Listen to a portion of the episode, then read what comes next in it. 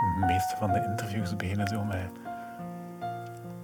met een soort van verbazing over hoe fleurig en hoe opgewekt dat jij de ruimte binnenkomt. Dat is mij ook al opgevallen. Ja, hè? Ja. Het over zo'n zwaar onderwerp. Is het toch nog een vrolijk meisje? Ja, dat is waar. Ik ben dan altijd blij. Ik denk dan van, ik heb toch nog een goede masker. Hè? Je gaat zo meteen luisteren naar het gesprek dat ik heb gevoerd met Josephine Mombaerts.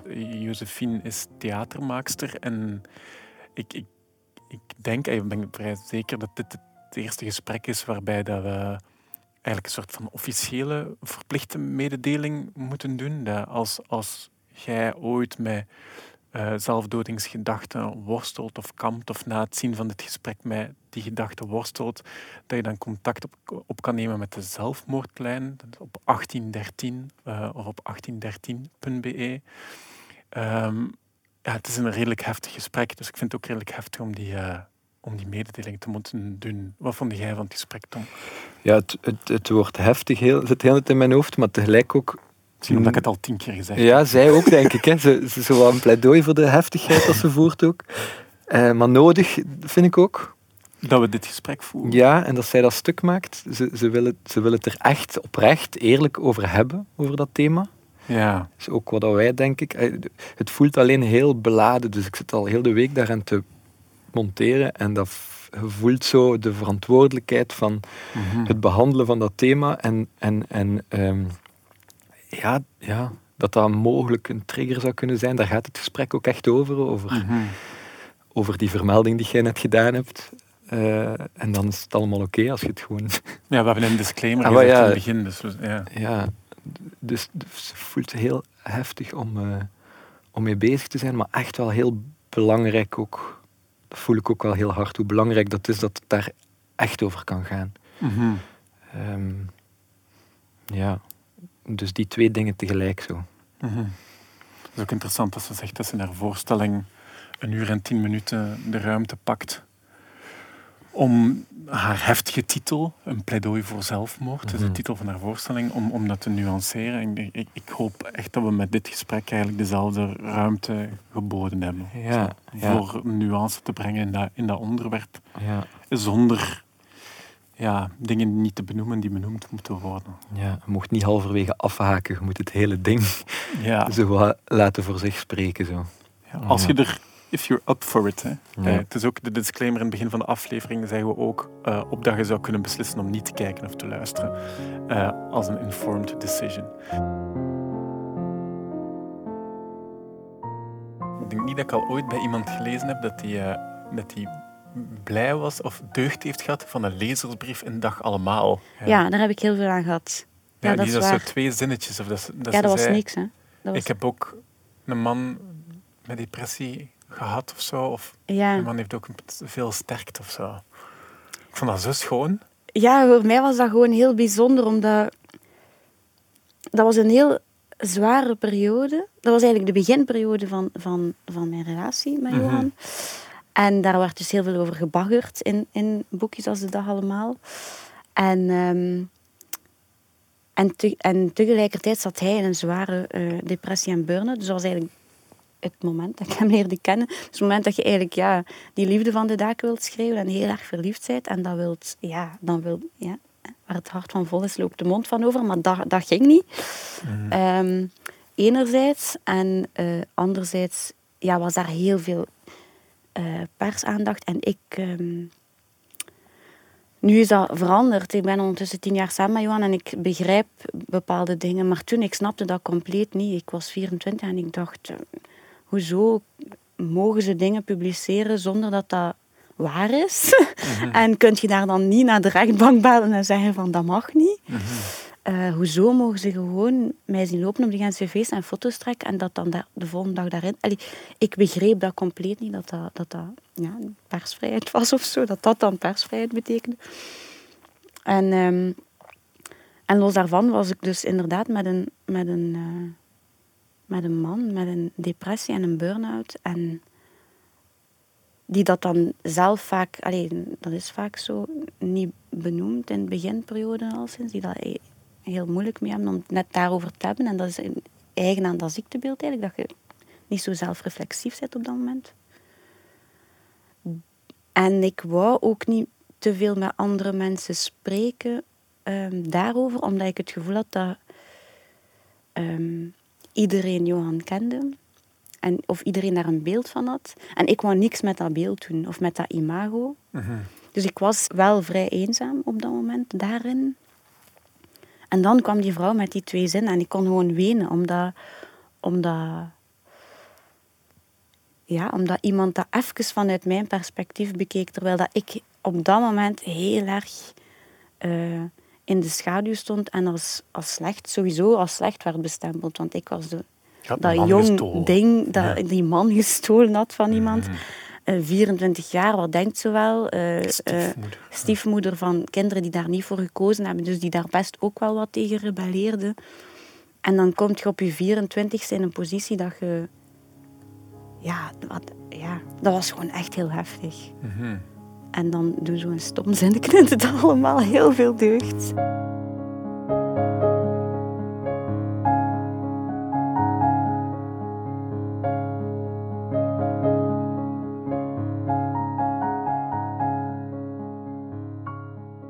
Theater is natuurlijk een zalig medium. Daar zit ontmoeting in. Je kunt gewoon zeggen van... Hallo, ik maak een theatervoorstelling daarover, dus mag ik u interviewen daarvoor? En je kunt gewoon u in elke thematiek die je wil, Mhm. kunt je gaan verdiepen op welke manier je ook wilt. Mhm. Ik heb het nu gedaan met zelfdoding en dan kun je gewoon echt heel... Nou ja, Je zegt, je gebruikt zelf, zelfdoding als je, als je spreekt. ja, ja ik, ik gebruik eh, zelfdoding. In mijn titel niet natuurlijk. Ja.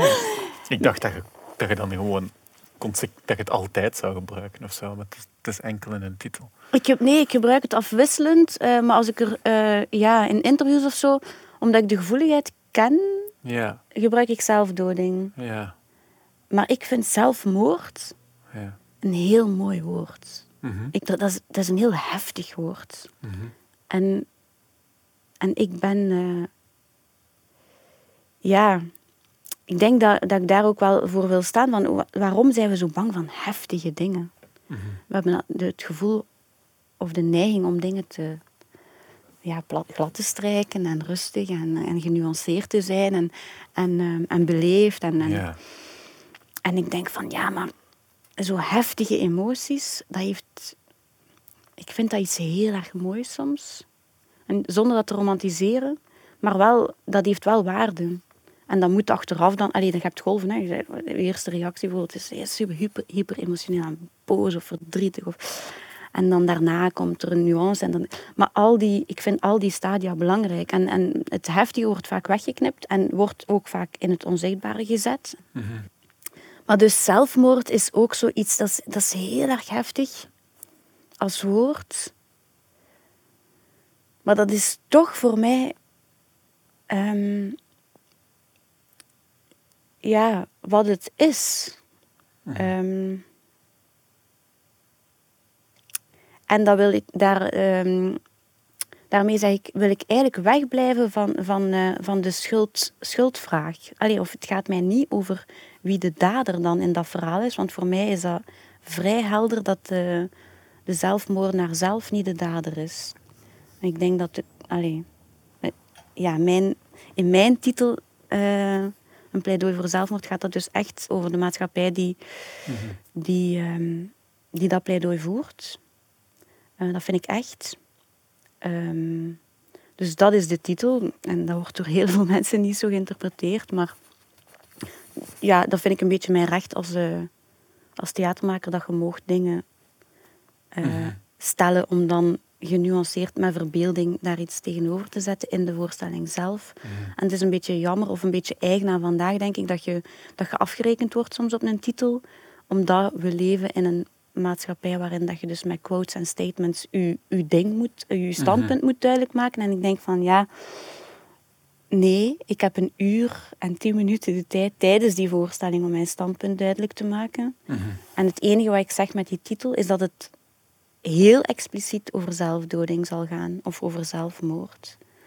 Ehm, zodanig dat ik niemand ehm, dat niemand achteraf bedrogen kan buitenkomen. Want ik weet hoe delicaat dat onderwerp is. En, en ik ken de cijfers. Dus dat wil zeggen dat er elke avond in de zaal, als het gespeeld wordt, zitten er mensen die iemand verloren zijn aan zelfdoding.